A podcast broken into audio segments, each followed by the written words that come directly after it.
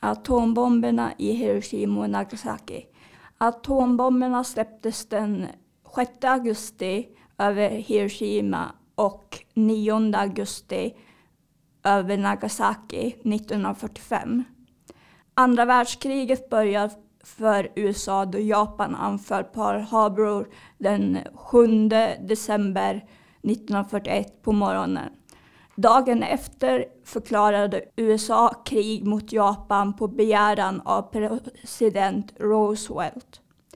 Man ska vara noga med att säga att det var inte Roosevelt som tog beslut att släppa atombomberna, utan det var Harry Truman som hade varit vicepresident under Roosevelt. Roosevelt dog den 12 april 1945. USA sa att det skulle inte behöva invadera Japan om det släppte dessa bomber. Det sa också att det skulle förkorta kriget med sex månader.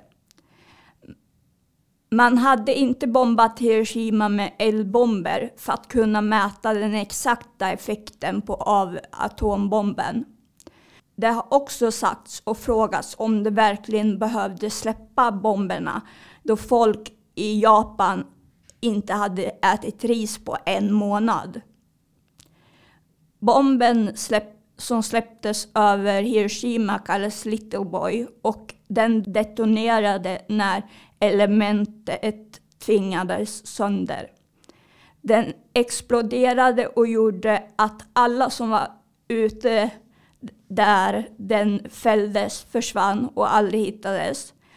Mellan 90 000 till 120 000 dog omedelbart av detonationen av bomben i Hiroshima.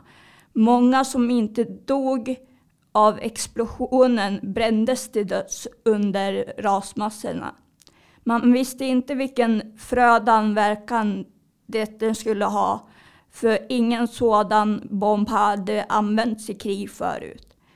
En av bombens fäder var Einstein och han ångrade efter att han varit med och skapat bomben.